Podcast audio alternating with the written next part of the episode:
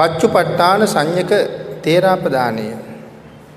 පච්චුපට්ඨාන සංයක තේරාපදානය. පච්චුපට්ඨාන මහරහතන් වහන්සේ. පච්චුපට්ඨාන සංයක මහරහතන් වහන්සේ. අපේ ශාසනයේ භාග්‍යතුන් වහන්සේ වැඩ සිටියේ කාලේ ජීවත් වුණ මහරහතන් වහන්සේ නම.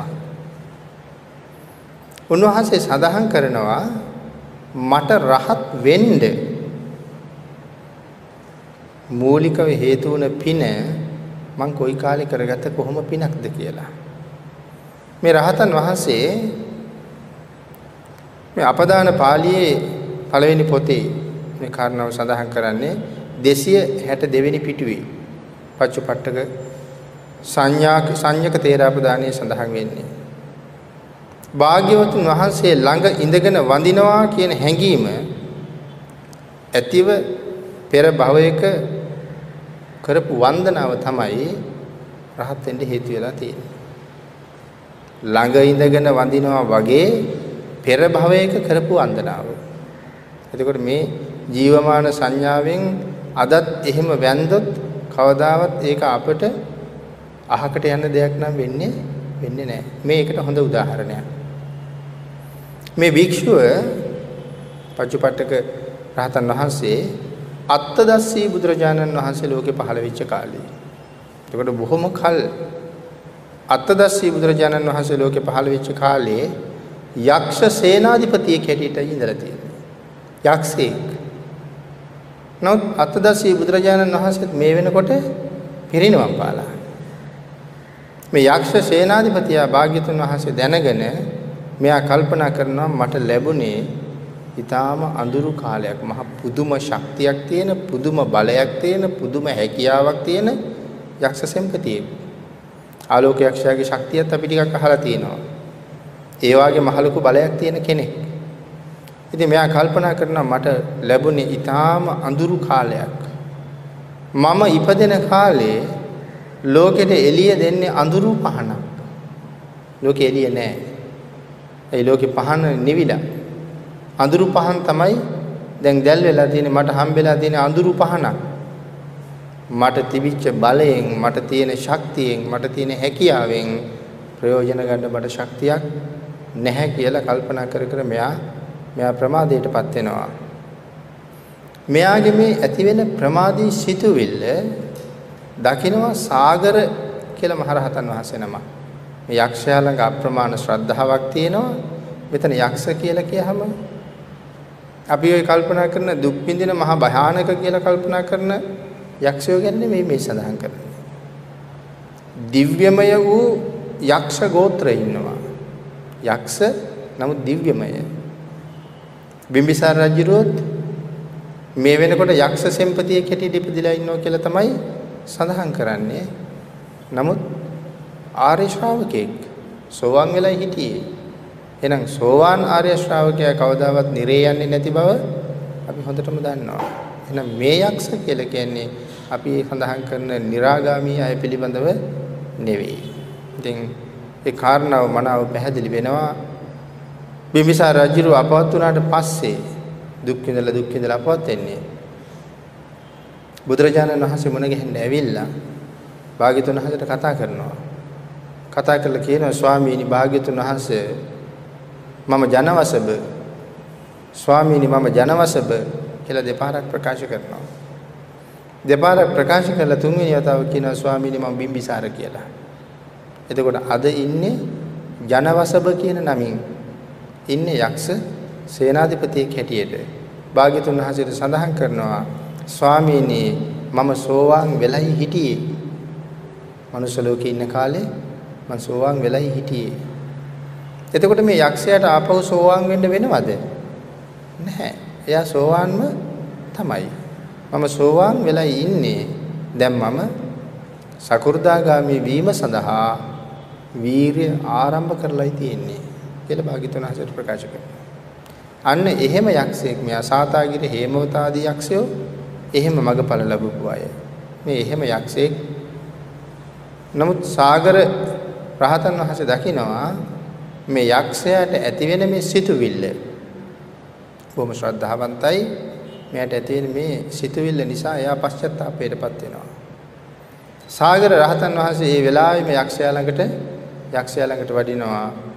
මම සංකප්ප මඤ්ඤාය සාගරෝ නාම ශාවකෝ. යක්ෂයා කියනවා මගේ සිතවිල්ල දැක්ක. සාගර නම් තෙර නමක්.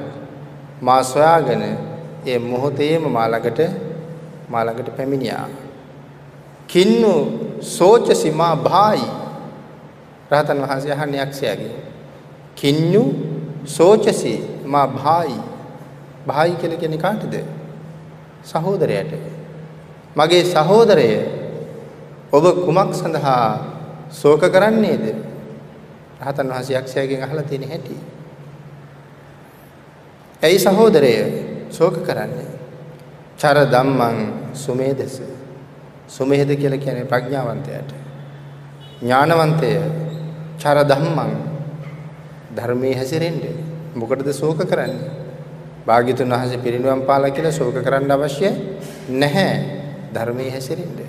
චර ධම්මං සුමේදස මෙහෙම උපදේශයක් දෙනවා.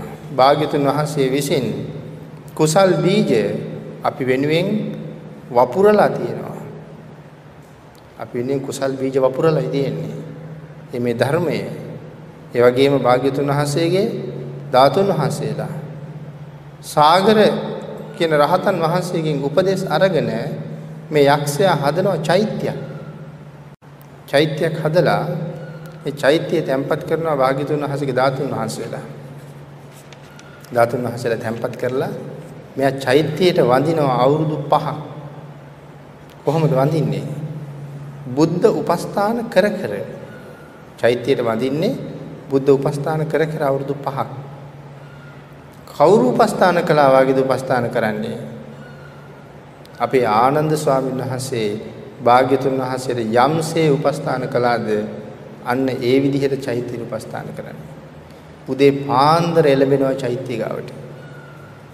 භාග්‍යතුන් වහන්සේ යටත් පිරිසෙන් පැයයි විනාඩි 20ක් නම් සතපුනේ 4යි කාල 4යි 20 විතර වෙනකොට අවදි වෙනවා. එහෙම සතපුනා නම් එහෙමනම් මෙයා ඊට කලින් හතර විතර වෙනකොට චෛත්‍ය ගාවට එළඹෙනවා.